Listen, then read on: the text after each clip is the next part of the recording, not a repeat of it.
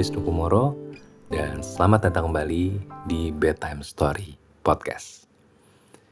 Dan untuk episode kali ini saya akan mulai membacakan cerita yang masuk ke tempat saya atau istilahnya buang cerita melalui email bedtimestory dan ini sudah wah banyak juga ya yang kirim email ya.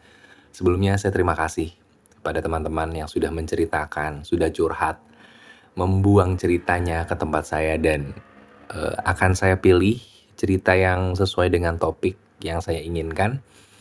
Dan untuk cerita pertama yang akan saya bacakan ini adalah cerita dari seseorang yang minta dirahasiakan uh, identitasnya dan tentu saja akan saya rahasiakan.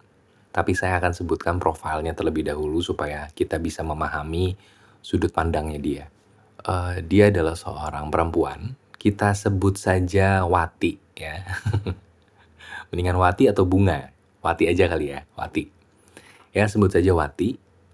Dia adalah uh, seorang single mom yang memiliki satu orang anak.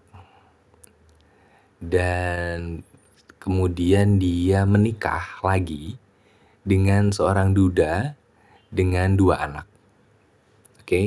itu adalah uh, latar belakangnya. Dan saya akan mulai ceritakan di bagian awal dari emailnya memang ceritanya agak lompat-lompat, dia menceritakan profilnya dia, latar belakangnya dia.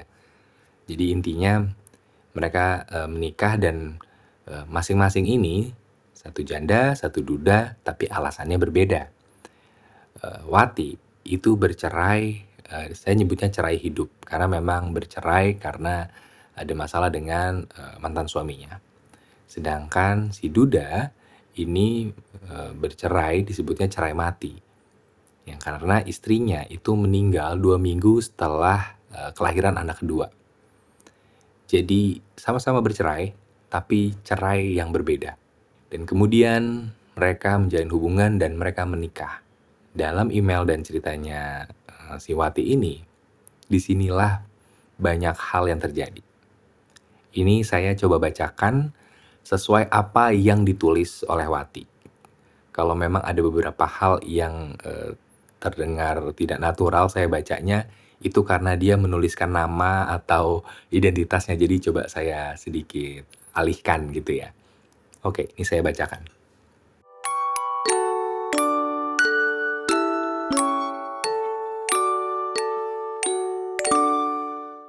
Aku jadi single mom itu udah susah karena dapat banyak label dari banyak orang.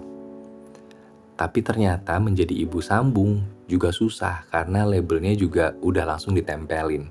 Ibu tiri itu A, B, C, kayak gini, kayak gini, kayak gini gitu. Dan karena beban-beban itu aku mengalami stres. Karena bener-bener nyata omongan itu aku dapetin. Perlakuan orang-orang pun nyata aku dapetin juga.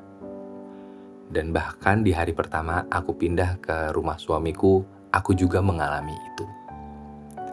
Aku merasakan gimana hubunganku dengan keluarga mantan istrinya, gimana aku ke tetangga sekitar, gimana aku ke teman-teman mantan istrinya, ke keluarga suamiku, ke saudaranya, ke teman suamiku, dan itu rasanya kacau banget. Bener-bener bikin depresi perlakuan mereka dan aku nggak tahu harus cerita ke mana kalau aku ngeluh ke pasangan bisa kena omelan karena sebenarnya waktu itu luka kehilangan yang dia rasakan ternyata juga belum kering. Jadi menurut dia, perilaku dia yang menggerus hatiku dan menyakitkan itu dianggap wajar. Dan semua circle-nya dia itu pun menganggap perlakuan suamiku itu wajar. Dan aku merasa seperti dipaksa harus memaklumi dan harus tunduk sama perintah suami bener-bener masa yang sulit banget. Bahkan kadang aku memberi masukan secara jernih ke mereka, tapi nggak digubris. Aku nggak tahu harus cerita ke mana, dan kalaupun aku cerita ke keluargaku, rasanya kayak cari perkara baru. Aku memutuskan keep sampai akhirnya aku meledak sendiri. Aku jadi orang yang menarik diri dari siapa pun. Bahkan di dalam rumah, aku cuma bener-bener hidup di kamar pengennya sendirian, gelap, dan ada momen aku pengen ngudahin hidupku karena nggak tahan sama keadaannya. Huh, cerita yang berat ya. Oke, saya lanjutin. Akhirnya aku ngajak suamiku untuk diantar ke psikiater. Psikiater pertama yang aku temui, aku nangis jadi-jadinya sampai akhirnya aku cerita dan dia memberikan solusi. Tapi begitu keluar dari ruang konsul, aku langsung dicecar sama suamiku. Apa hasil konsultasinya? Dan tolong jelasin semuanya secara detail. Dan akhirnya aku jelaskan secara detail, bahkan aku sampaikan solusinya, dan suamiku diam aja. Dan keadaan dari situ makin parah. Aku bahkan sampai nggak bisa komunikasi ke tim kantorku lagi, padahal aku punya anak buah yang harus diajak komunikasi dan diarahkan. Aku juga bahkan selalu ngerasa hampa. Aku liburan ke mana nggak bisa bikin aku happy, ada ruang kosong terus rasanya, badan sakit-sakitan tiap minggu keluar masuk rumah sakit, dipijit juga nggak ngilangin rasa capek di badanku, sampai akhirnya aku memutuskan untuk pergi ke psikiater lagi tapi beda rumah sakit.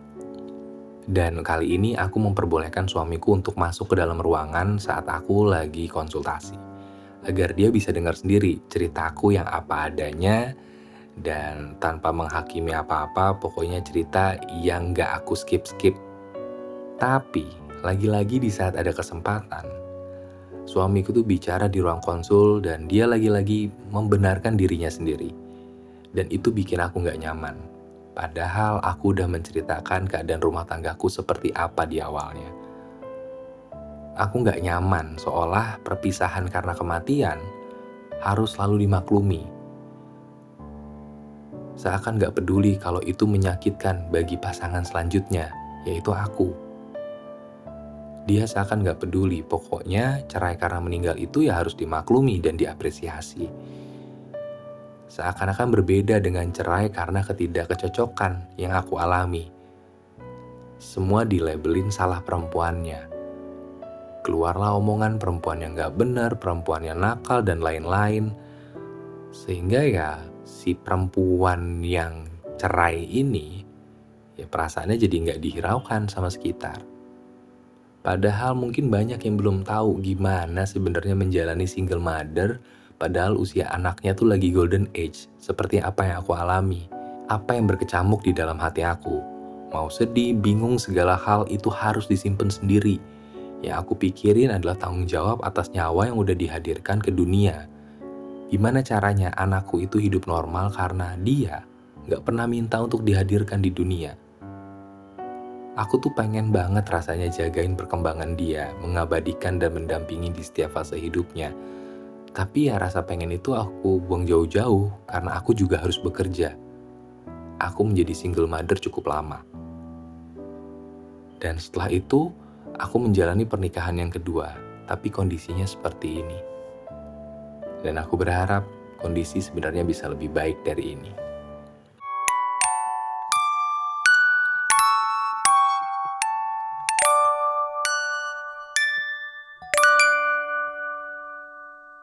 Wow, sebuah cerita yang luar biasa sebenarnya.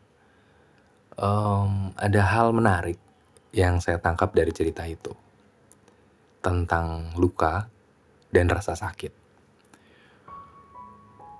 Kita baru aja dengar sebuah cerita tentang sepasang orang yang memiliki luka masing-masing,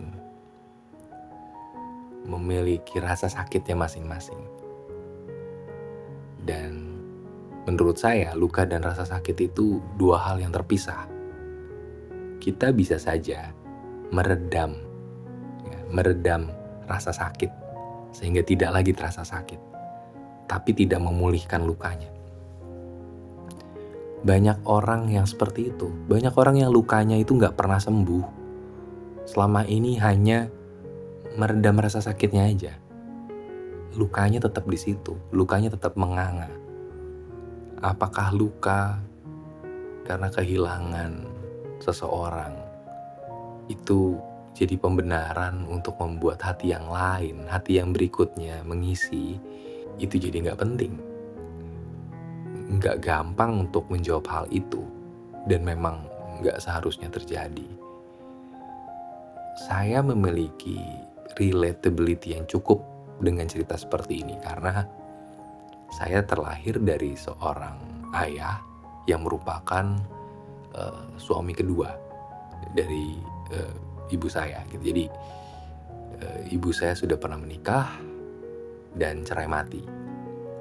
Artinya suaminya waktu itu uh, uh, meninggal dunia membawa satu orang anak yaitu adalah kakak saya, kakak yang pertama. Kemudian ibu saya bertemu dengan ayah saya dan melahirkan banyak anak, salah satunya saya. Jadi dari sudut pandang keluarga saya paham sekali karena keluarga saya pun seperti itu. Dan saya belajar dari ibu saya tentang luka dan rasa sakit itu.